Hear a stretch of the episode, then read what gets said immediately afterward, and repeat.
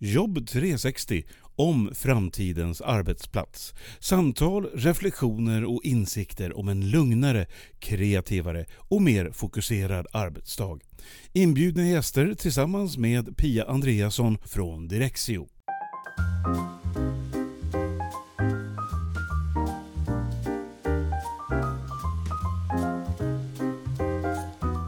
Välkommen till avsnitt nummer 100 i podden Jobb 360. Ja, det är lite otroligt att jag har hunnit med hela 100 avsnitt sedan starten för fem år sedan, men så är det.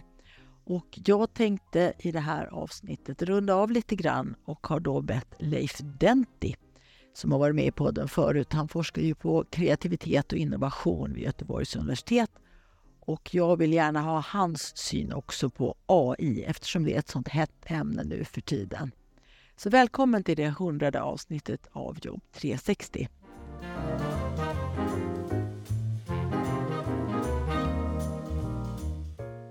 Jag säger välkommen till podden Leif Denti. Du har ju varit med förut och du forskar på innovation och jag måste säga ja. att jag tycker det låter lika spännande som, som förra gången.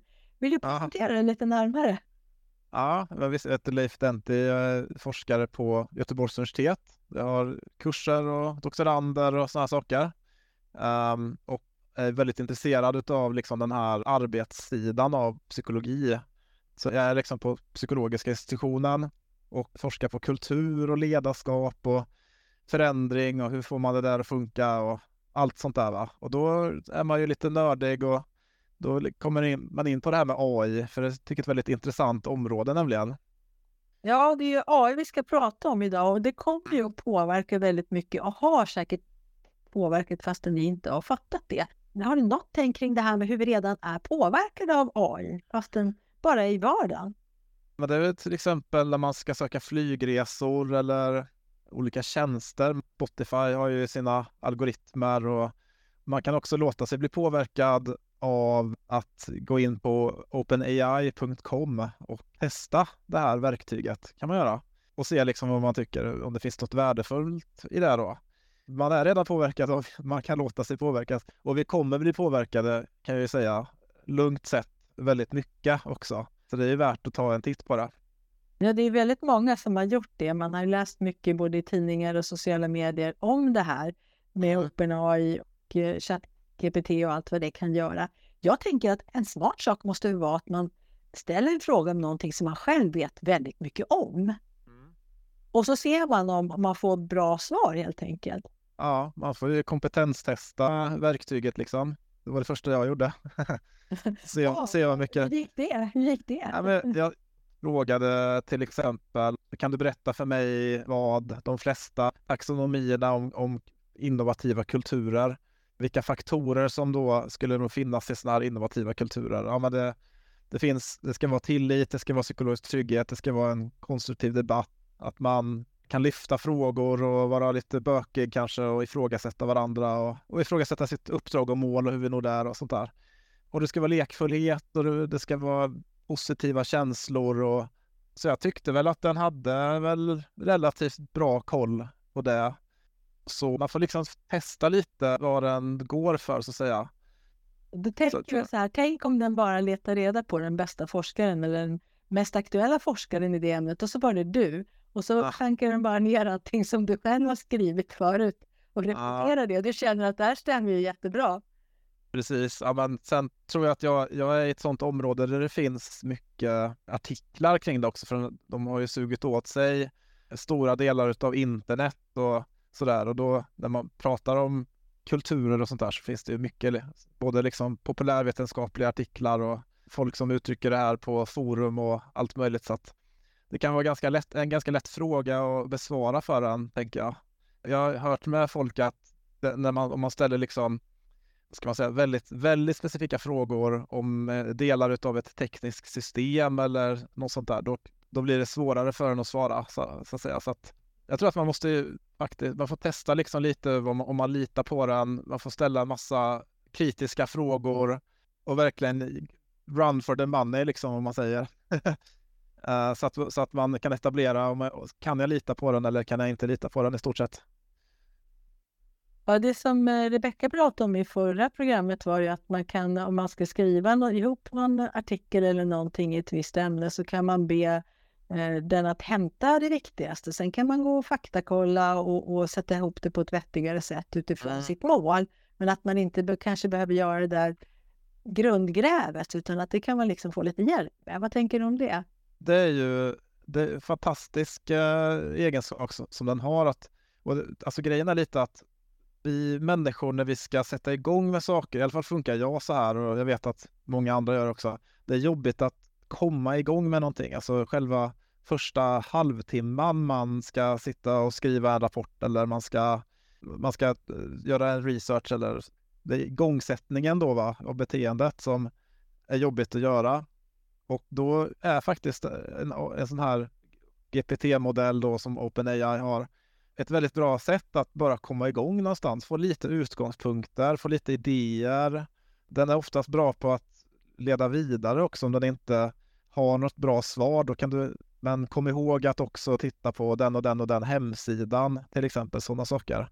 Så att av den anledningen så är det ju väldigt intressant tycker jag, hur man kan använda den. Det, det intressanta är att man kan använda den på så många olika sätt alltså. Och jag tror att den kommer komma till användning också. Vilket kanske kommer lite till, vi ska prata om framtiden och så. Är det intressant? Vill du veta vad jag tänker om framtiden? Ja, absolut. Hur kommer det bli i framtiden? Imorgon och, och om ett år och lite sådär. Ah, hur kommer det att bli?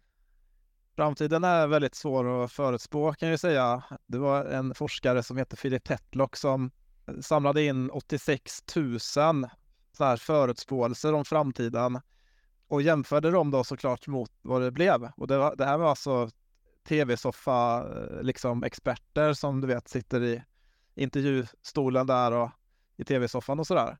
Och så visade det sig, vad tror du, vad, vad, tror du, hur mycket rätt hade de här personerna, tror du? Ja, kanske någonstans runt 15-20 procent möjligen var de något sådär på rätt spår. Resten var helt tokigt. Så fråga egentligen, hade de, var det 0 procent eller 50 procent? Det var 50-50 helt enkelt. Jaha, att, eh, mer än vad jag ja. trodde då. Ja. Ja, men så de hade inte rätt alls liksom. På alternativen ja eller nej. Kommer eh, Riksbanken att höja eller sänka räntan eller eh, kommer USA gå in i, i Gulfen till exempel? Så här, ja eller nej sådär.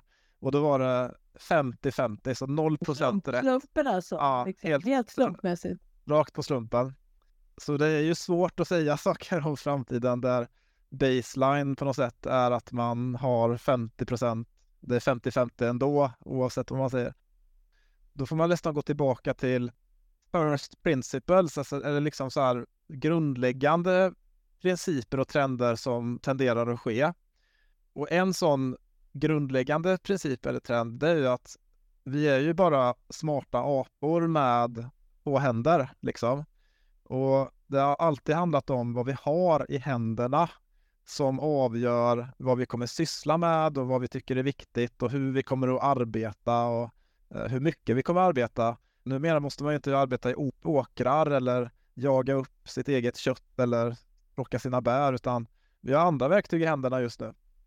Så fort det kom med smartphonen till exempel, då fick vi ett nytt verktyg i handen. Jag skulle vilja påstå att världen är helt annorlunda nu jämfört med eh, till exempel 2005. Helt annorlunda värld. Och nu har det kommit ut ett verktyg till som heter ChatGPT och andra sådana här Bard. Lama 2 är eh, Metas eh, version av detta. Va? Och det här verktyget är så pass revolutionerande att jag skulle nog kunna tänka mig likställa det eh, lite med smartphones eller kanske födelsen av internet eller något liknande sånt där. Då kan man ju nästan tänka sig att det kommer att bli en ganska så stor förändring i våra arbetsvillkor och vad vi gör på vårt arbete och sådana saker. I och med att det här verktyget är så användbart då helt enkelt. Precis som en smartphone var väldigt användbart och internet var väldigt användbart. Kanske kan man säga att ju mer användbart verktyget är, desto mera impact får det på vårt samhälle då. Lite så tänker jag liksom. Det, så har jag börjat mina spåningar kring framtiden. Och eh, en annan så här intressant sak som också Philip Tetlock tog fram, det var att de flesta människorna, de överskattar en förändring inledningsvis liksom. till exempel att när atomkraften kom på 50-talet, då vet du att man har sett så här gamla, gamla filmer och bilder om ja, snart kommer det så här flygande bilar och atomic power och det var liksom all the rage liksom. Ja, man skulle ha ett eget litet kärnkraftverk hemma också. Ja, just det. Och nu är folk som är inne Exakt. på det igen. Så att jo då, Exakt. eh, innan det så skulle man dricka radioaktiva drycker och sånt där, för det var ju väldigt nyttigt. Radioaktivt Ah. vatten fanns på vissa ställen och, Precis. och Så då drack var, man brunn på det. Så att ja, det var liksom all the rage. Man, man liksom överdrev helt enkelt. På kort sikt så överdrev man vilka effekter som den här nya teknologin fick. Så det gör vi liksom. Vi överdriver. Vi drar ut hyperboler, alltså pa- tangenter ut i världsrymden och så får vi domedagstankar och verkligen nu, oj, vi är människan dömd till undergång och sådana saker liksom. Det händer ganska ofta. Så det händer på kort sikt. Men på lång sikt så underskattar vi förändringar, vilket också är intressant. Så att på 10-15 års sikt så, så kan vi helt enkelt inte förstå hur annorlunda det kan bli. Jag tror ingen av oss kunde förstå hur annorlunda samhället har blivit med smartphones och sociala medier till exempel 2005. Det går inte att föreställa sig en sån skillnad liksom. Men det är ofta en stor skillnad på längre sikt liksom sådär. Så att eh, det är också en sån här grundläggande princip som jag har utgått ifrån. jag Eh, såg en eh, program igår faktiskt som, jag vet inte om du har sett det, det finns på SVT Play en programserie som handlar om uppfinningar. Har du varit inne och kikat på dem? Nej, det har inte varit. skördetröskeln och cykeln och allt möjligt sånt där. Och väldigt, väldigt från alla möjliga håll tar de upp de här innovationerna då. Och igår tittade vi på det om glas. Aha, ja just det. Och eh, någonting som var nytt för mig var ju att det som vi kallar för glas idag, det här som vi har i fönstren och som man, ja vi sitter och tittar på glas både du och jag nu när vi sitter och tittar på en skärm och, och vi har det i våra smartphones och så. Det var en ganska ny uppfinning. Det var Ja. på 1800-talet som det var någon som verkligen nördade ner sig på tal om det i det här med glas. För att innan det var det lite mer slumpmässigt och lite inte alls så här kanske så genomskinligt som vi är vana vid och inte så tunt och alltihopa det där. Just Men sen när, när han väl hade nördat ner sig i det och kommit på massor med olika varianter på glas, då fick vi fiberoptik och då fick vi ja och så vidare och så vidare. Och kan bygga de här stora husen nu när du har glas i hela fasaden. Just det. Och då tänker jag att när han höll på där och, och nördade ner sig med olika glasblandningar, då hade ju han ingen aning Mm. om Nej, hur vi skulle ha det idag. Precis. Så att det kommer troligtvis att bli en stor förändring. Det är bara det att de, den stora förändringen som vi tror nu, den kommer troligtvis inte att hända. Det kan man säga. I och med att vi överdriver just nu och förstår inte riktigt vad, vad, hur det kommer att bli. Vi kan inte förutspå framtiden. Vilket jag tycker är en intressant tanke kring alla tänkbara framtidsförutspåelser. Men jag ska ändå ge mig på en, ett försök. Hur låter det Pia? Vill du ha, vill du ha ett försök? Ja, det låter jättebra. Jag vill hur, spana lite nu fort Ja. Nej, men jag tror att på ett till tre års sikt så kommer vi att se en massiv produktivitetsökning i arbetslivet, både offentlig sektor och privat sektor. Jag tror det här är för att det går att spara sig otroliga mängder tid. Också för att man kanske inte måste ha lika mycket kompetens längre. Det verkar som att de lägsta nivåerna, om du tänker dig, du har 100 pers och så, så rangordnar du dem efter kompetens.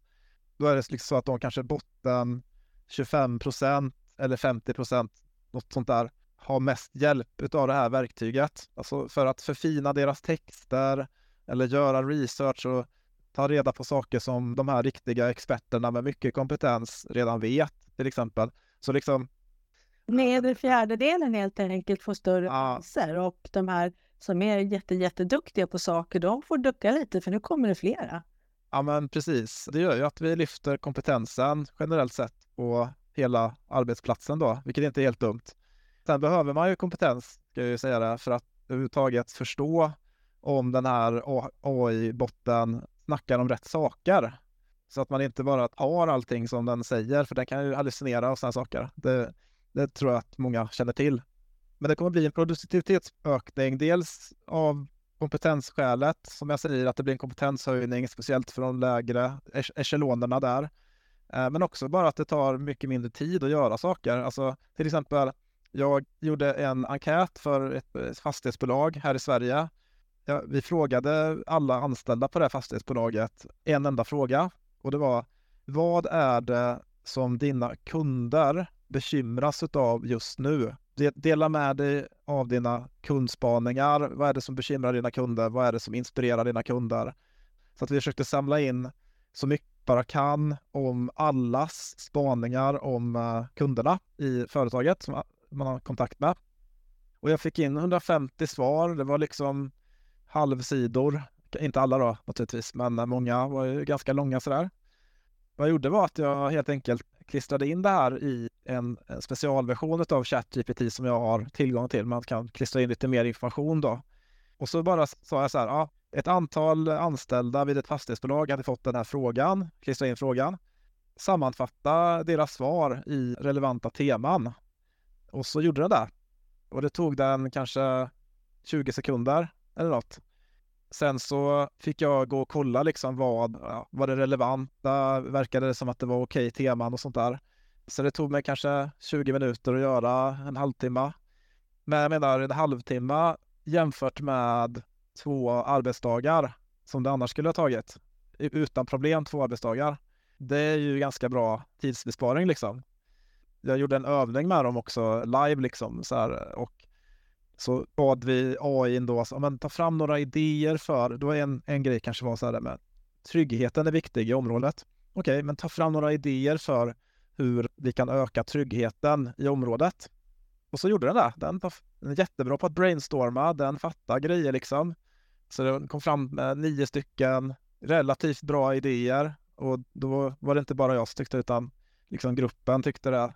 Och så bad jag den om att ja, men, ta den här idén. Eh, nu vill jag ha en projektplan. Skriv vilka roller och vilka kompetenskrav som krävs och tidsplan för utvecklingen och vilka risker finns det med den här idén och alltså så här. You name it, du kan lägga till nästan vad du vill här va. Gör en SWOT-analys, gör en den och den analysen. Alltså då fick vi en jättefin projektplan. Ja, vad bra. Och sen så, så här, skriv ett nyhetsbrev till hyresgästerna om att nu kommer det ett kommande projekt här eh, enligt den här, eh, den här projektplanen. Och så bara, hej kära hyresgäst, vi vill informera dig om att nu kommer det bla bla bla. Jättetrevligt nyhetsbrev sådär. Snabbt man kan jobba liksom, bara man vet vad man vill ha. Om man är arkitekten bakom det man vill ha så, så kan man verkligen jobba otroligt snabbt med det här verktyget. Och jag tror att det är den nivån man behöver hoppa upp på för att liksom kunna bli effektiv med det, så att säga. Och det är klart att graden av effektivitet kommer att implementeras. Det är effektivisering. Det, det är också så här ytterligare så här axiom, du vet Pia, En grundläggande grejer man kan tro om samhället och företag. Att alla organisationer vill effektivisera sig. Så det är klart att de kommer använda verktyget och det vet jag att de gör också. Att de tittar på det verkligen. Vissa gör det redan, vissa tittar på det. Så att det kommer bli en massiv produktivitetsboost upp ett till tre år. Vad händer efter år tre, eh, fyra sådär? Då kommer det bli kaos, tror jag. Därför att jag tror att vi kommer behöva omvärdera vad vi ska betala för tid, helt enkelt. Hur mycket är tid värd här? Kan jag som konsult göra en, en, en undersökning som den här, skickar ut enkät, eller jag kan ju göra intervjuer och sånt där va.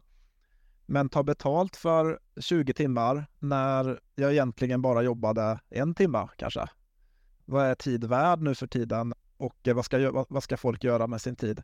Som tur är så tror jag att vi delvis kommer att lösa den här kompetensförsörjningsfrågan ganska bra med det här verktyget. För att jag tror att den frilagda tiden som eh, också kommer att bli frilagda tjänster naturligtvis, de människorna kan ju då göra andra saker som behövs runt omkring i maskineriet i samhället och så.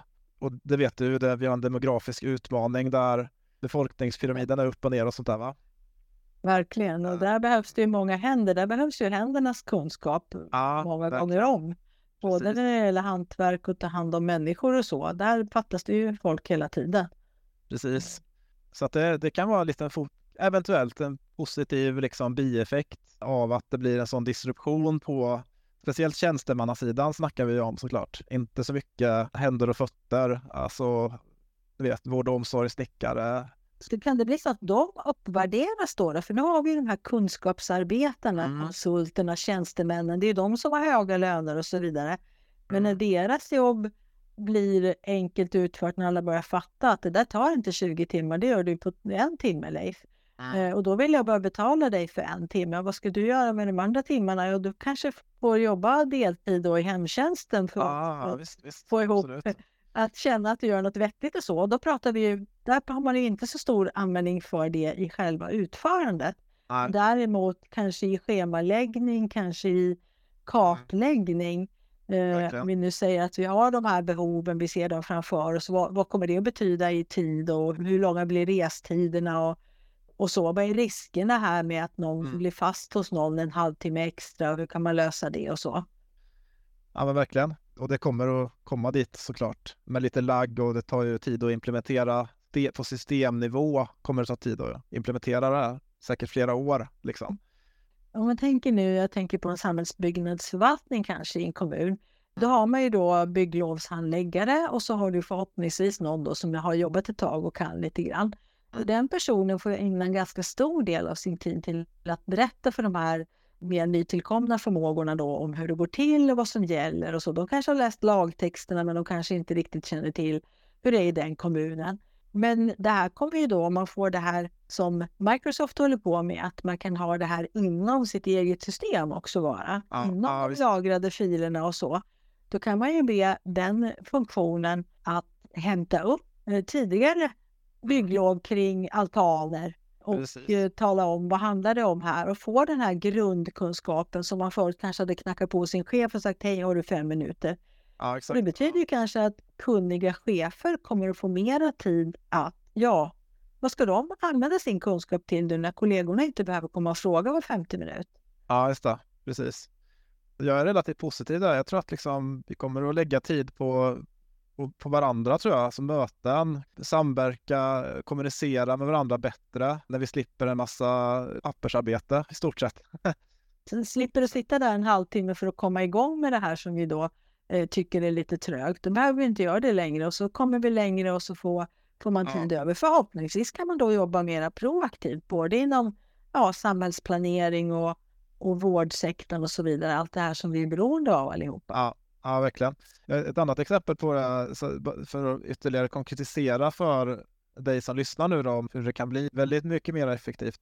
Det är ju att man behöver inte liksom sitta och leta efter saker längre. Jag vet att väldigt många tjänstepersoner sitter ju och letar information. Det kan vara saker som står i processbeskrivningar eller i strategier eller i dokument eller vad det nu är som man måste förhålla sig till för att fatta ett visst beslut eller vad det kan vara sådär. Upphandlingsreglerna, hur ser de ut och ja, du vet, massa av de här grejerna.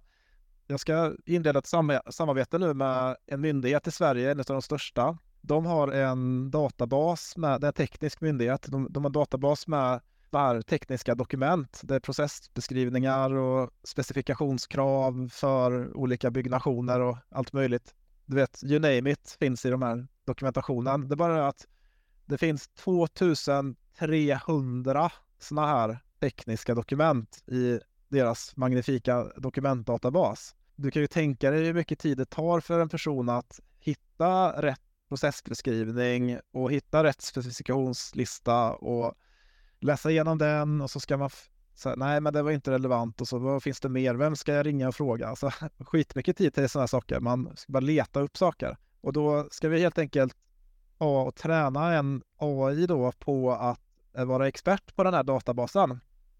Och det betyder att jag kan helt enkelt komma med, här har vi en eh, projektplan för vi ska bygga X-saken då. Berätta för mig vilka TIDOX och exakt vilka specifikationskrav som finns i dessa TIDOX som är relevant här. Och säg också vilka TIDOX som eventuellt skulle kunna konf- ha konflikt med varandra. För det fattar den nämligen, den förstår, den kan göra den typen av eh, bedömningar om det finns TIDOCs där det är konflikter. Bara ställa den frågan en gång och få svaret på 20 sekunder jämfört med arbetsdagar utav letande och pillande och möten och du vet. Ja. Eh, Det är ju det är en så, ett konkret exempel och det är det som Microsoft ska släppa nu i, i sina så här Office-produkter med Teams och Outlook och sådana saker. så att uh, man kan göra allt det här. Och då blir- pratar ju ja. Microsoft om att man gör det internt hos sig då, på företaget eller på kommunen eller på förvaltningen. Att man Ja, in det internt. precis så att, den, så att den hämtar därifrån. Men vet du vad jag kom att tänka på när du berättade det här? Det finns, Mm. fanns en tv-serie förut, jag tror det ligger på SVT Play, som heter Äkta människor.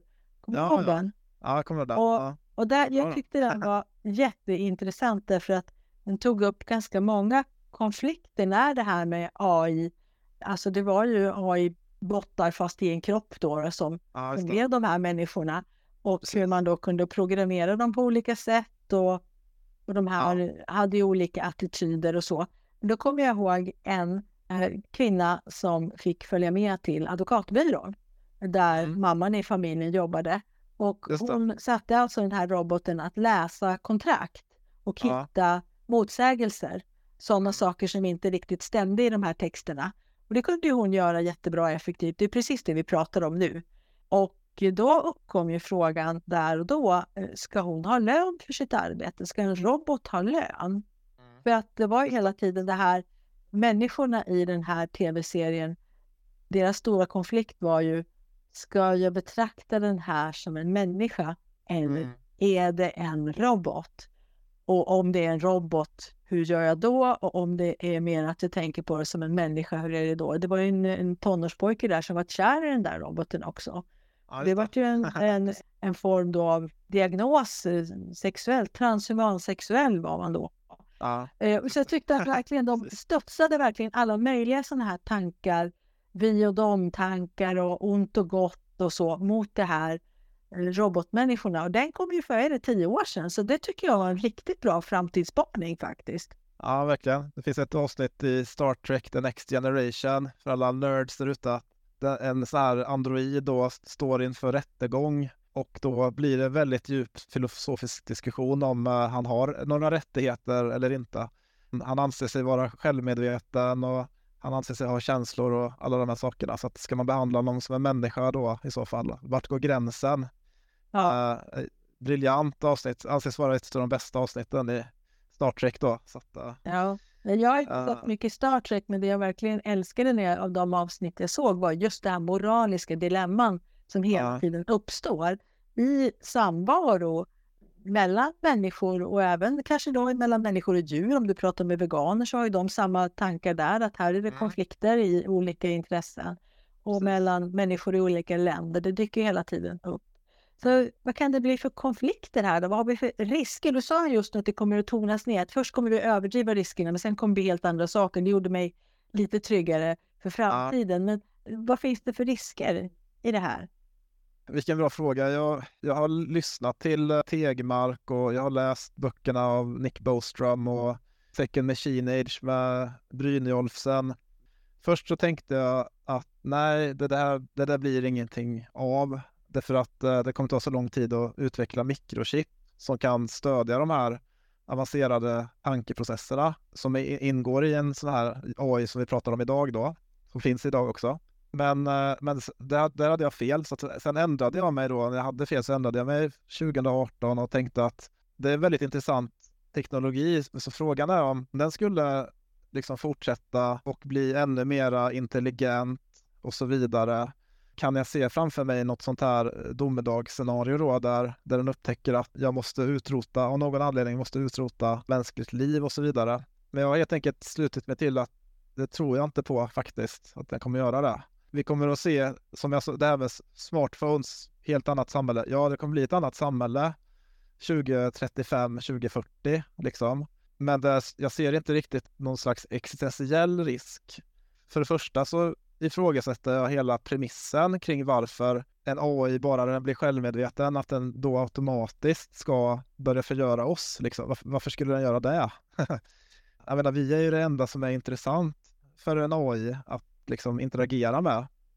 Vad ska den göra annars? Ska den ut och undersöka hur det är på Pluto eller åka till andra galaxer? Ja, lycka till. Det tar flera miljoner år liksom att göra det.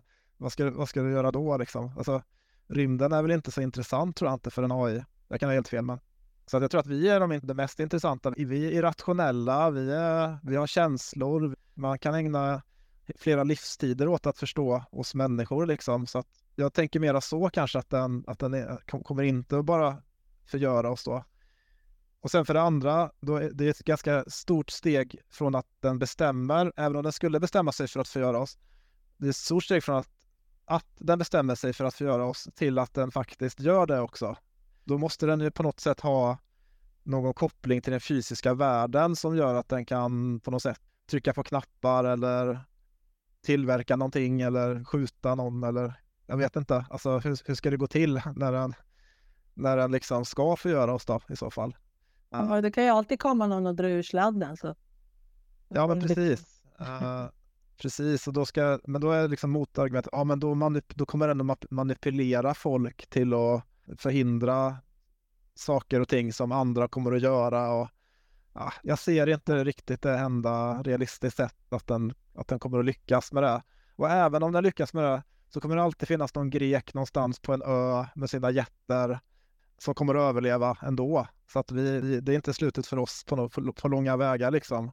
Så att nej, jag inte, ställer mig inte till det lägret eh, överhuvudtaget. Men däremot så kommer det bli kaos. Alltså det är det som är, det är det jag är rädd för. Om jag skulle säga, vad, vad, är jag rädd för? Jo, men det är att det ska bli kaos då. Alltså från och med år tre eller fyra eller något och så blir det det här med tid och hur ska jag försörja mig när jag liksom har blivit ersatt av någon som använder AI? Så till exempel, jag kan dra några exempel på det som är ganska skrämmande. IBMs egen VD, han har gått ut och sagt att jag tror att eh, vi har en HR-funktion på 700 personer som jobbar inom HR. Och eh, jag tror att 50 personer som, som använder ett sånt där AI-verktyg kan göra jobbet som 700 kan göra. Liksom. Så det är, det är ganska bra ratio. Det är liksom 14 till 1 faktiskt. Som, och då vill man ju kanske vara en av de här 50 då istället för en, en av de här 650 eh, om man inte har tröttnat på att jobba på år såklart och vill göra något annat. Ja, så kan det ju vara. Eh, men liksom om man vill fortsätta jobba som tjänsteperson, då får man ju lära sig de här verktygen. Det är inte så mycket mer än så att göra tror jag. Ett annat exempel är ju, jag vet inte om du såg den här, men det var liksom en trailer som hette Barbenheimer. Har du sett den trailern, Pia? Nej, nej, jag har inte. Berättat. Det är, alltså du vet i somras kom det ut två filmer, Oppenheimer och Barbie och uh, då var det någon som hade då gjort en trailer där Barbie är eh, någon form av galen version av Oppenheimer då som spränger eh, kärnvapen överallt och sånt där. Och den här var ju helt och hållet AI-genererad med liksom ljudeffekter och det var visual effects, CGI, alltså du vet, eh, datorgenererad grafik Barbie var där och hon pratade och det, hon hade röst och allting. Då lyssnade jag på en podd om det här och var det han, en som påstod i den podden då att för att göra en trailer, en filmtrailer, då krävs det ungefär 50 personer som lägger sin hand någonstans på den här filmtrailern då. Det kan vara någon som planerar för fotografin och någon som kanske eh, lägger på musik. Någon ska, röster ska spelas in och du vet, det ska klippas och det ska vara ljudeffekter och lite grejer. Så, så 50 personer lägger sin hand på en trailer. Så 50 personer då har komprimerats ner till en person som kan skriva in det här i en chattruta på internet. Det är ganska revolutionerande att tänka, sig, tänka i de banorna liksom. Det är liksom inga, det är inte en spekulation. Det är en spaning som jag har haft faktiskt ganska länge och jag vet inte hur den egentligen relaterar till det här med AI, men jag tänker att ju mer digital världen blir och ju mer vi kan uppleva från hemma från soffan så att säga.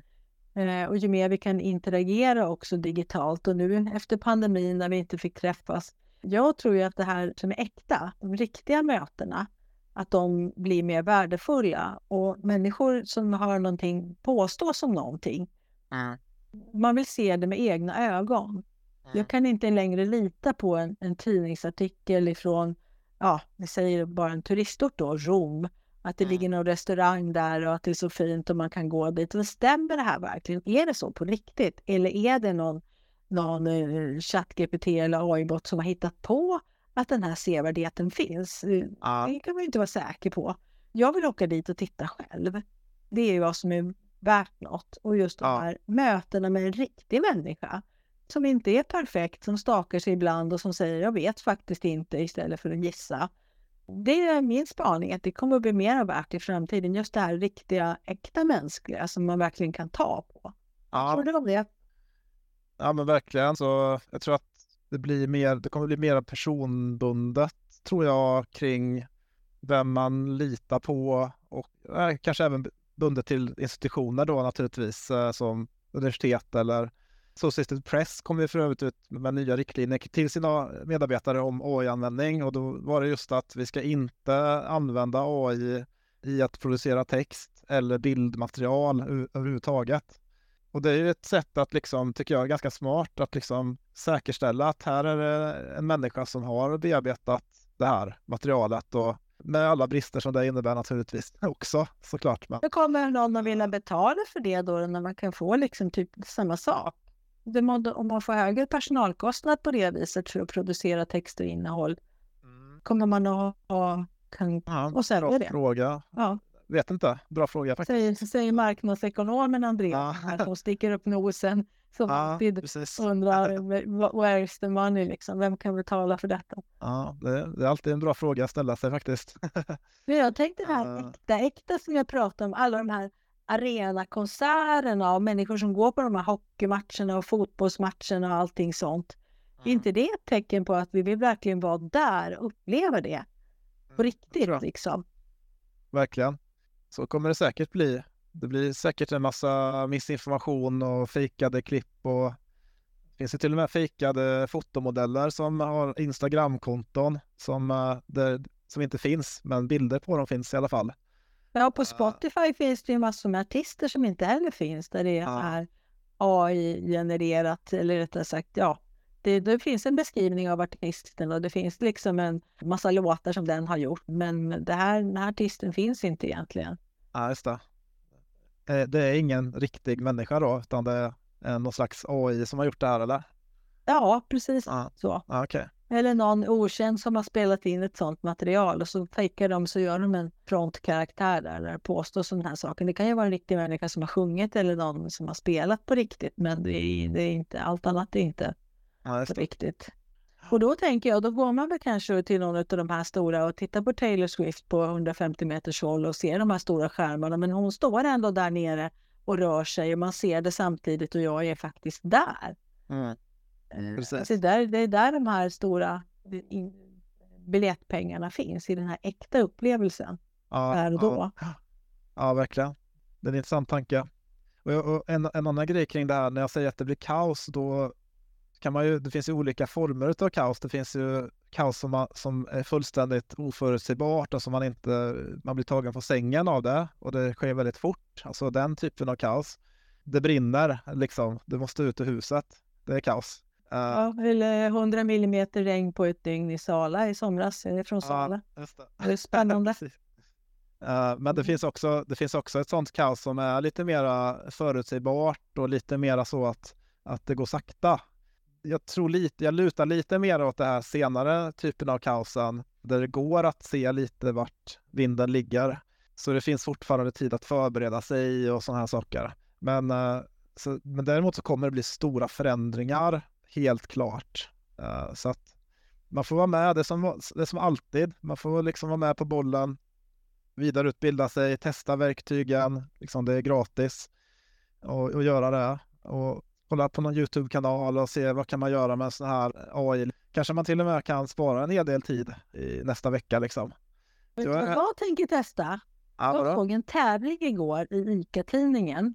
Ja. ja. jag får säga ICA-tidningen, det är min egen podd i alla fall, där man skulle komma med så här bästa köttfärssåsen till mm. något landslag. Jag, jag, det framgick inte vilket landslag, men de skulle i alla fall få en köttfärssås lagad till sig och det var en tävling. Då tänkte jag, jag måste kunna fråga då, en kreativ köttfärssås liksom. Jag måste kunna få lite tips där. Jag kände jag orkar inte tänka. Det enda jag gör är att jag är lite sweet chili. Eh, det tycker jag, det är inte riktigt kreativ verkshöjd på det.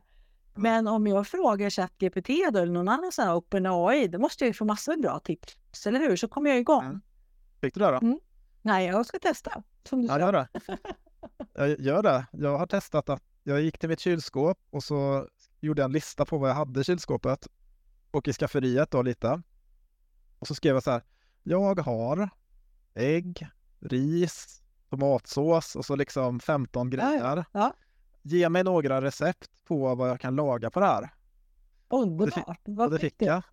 Jag kommer inte ihåg vad jag fick, men eh, det var liksom hyfsade recept. Så att jag testade ett och fan det, jag skulle nog inte kunna gjort det bättre själv.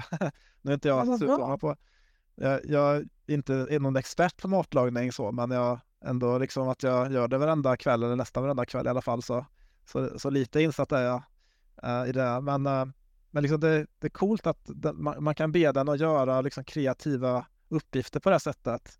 Ett annat exempel bara så vi lämnar så många konkreta coola eh, råd som möjligt. Jag kan skriva en, eh, en forskningsidé, alltså ett projekt, en projektidé för eh, ett forskningsprojekt. Ja, men jag vill undersöka om dans påverkar folks kreativa tänkande till exempel. Och eh, det tror jag att det gör. Och så skriver jag det väldigt naturligt språk. Jag måste inte formulera mig akademiskt eller någonting.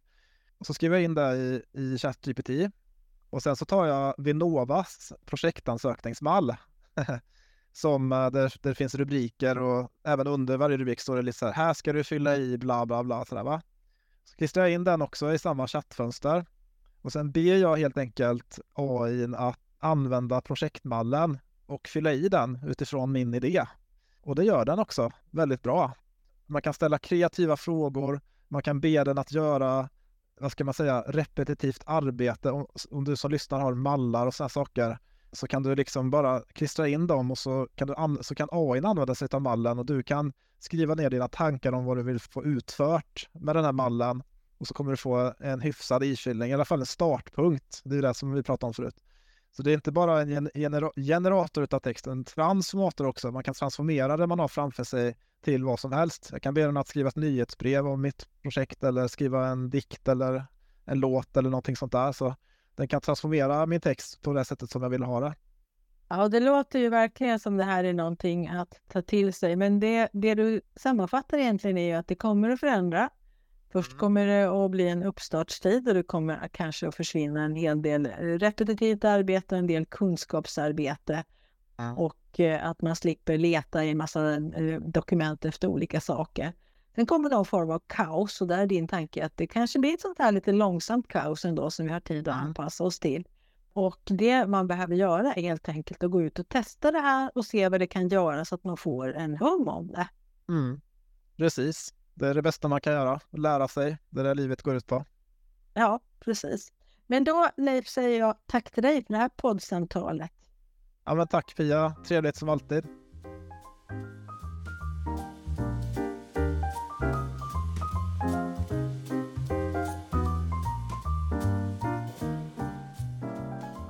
Aktivitet och sen kaos. Det tyckte jag var en väldigt intressant spaning. Och jag tänker också att kaoset kan delvis bestå av att man inte riktigt vet vad man kan lita på. Ligger det en människa bakom det här? Är det på riktigt? Eller är det bara algoritmer som har eh, satt ihop det jag just läste eller hörde eller såg? Ja, det enda sättet att komma vidare i det här för egen del är nog att man får sätta sig in i det mera helt enkelt. På vilket sätt berör AI just mig, både yrkesmässigt och privat? Och sen får man ju också lägga in sina egna värderingar i det här. Spelar det någon roll för mig om det är ett AI-verktyg som har genererat det jag såg, hörde eller upplevde? Eller tycker jag det är viktigt att det ligger en människa bakom? Och i framtiden kanske vi också får vara beredda att betala lite mer för det som är producerat av en mänsklig hand. Och det är i alla fall min förhoppning. Och det du kan lita på är att podden Jobb 360, alla 100 avsnitten har varit producerade av min hand från början till slut. Det är först det här allra sista avsnittet jag har använt mig av lite AI, nämligen ett verktyg från Adobe för att förbättra ljudkvaliteten. Tråkigt för dig som lyssnade kanske att jag inte kom på det tidigare, men så snart jag fick veta att det fanns så var jag där och testade. Och precis så tänker jag att du också behöver göra med AI. In och testa och se på vilket sätt berör det här mig. Och tack för att du också har fått beröra dig i podden Jobb 360. Den kommer nu att göra en paus, men jag hoppas att den kan återuppstå så småningom. Kanske med 100 nya avsnitt, vem vet? Tack för att du har lyssnat på Jobb 360.